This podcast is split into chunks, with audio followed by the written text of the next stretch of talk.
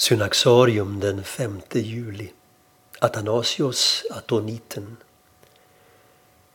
Athanasius var munken som på 900-talet introducerade det kenobitiska, det vill säga det gemensamma klosterlivet på det heliga berget Athos.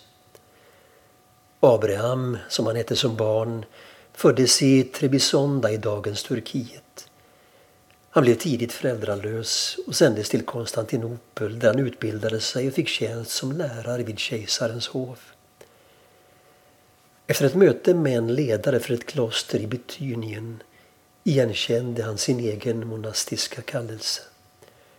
Han tog namnet Athanasios och sökte sig till berget Athos. Omkring år 961 började han bygga ett kloster som kom att bli ett hem för munkar som anslöt sig till honom.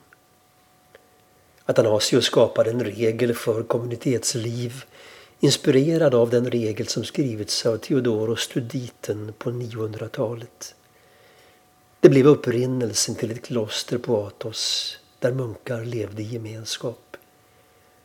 Tidigare hade platsen dominerats av eremiter som levde var för sig i sina celler. Grundandet av klostret ledde till att många av munkarna nu började se ett gemensamt monastiskt liv som ideal. Och som en följd kom en rad kloster att grundas på Athos. Athanasius var en person med stor medkänsla för de fattiga och lidande. Biografierna över hans liv skildrar hur han aldrig upphörde att tjäna de sjuka trots sina krävande plikter som klosterledare. Det stora tålamod han visade alla som sökte honom som andlig fader har gjort honom till en viktig förebild. Vid sidan om Petrus, atoniten, är Athanasios den viktigaste personen förknippad med klosterlivets framväxt och utveckling på berget Athos. Bland ortodoxa munkar har han därför till de mest älskade helgonen.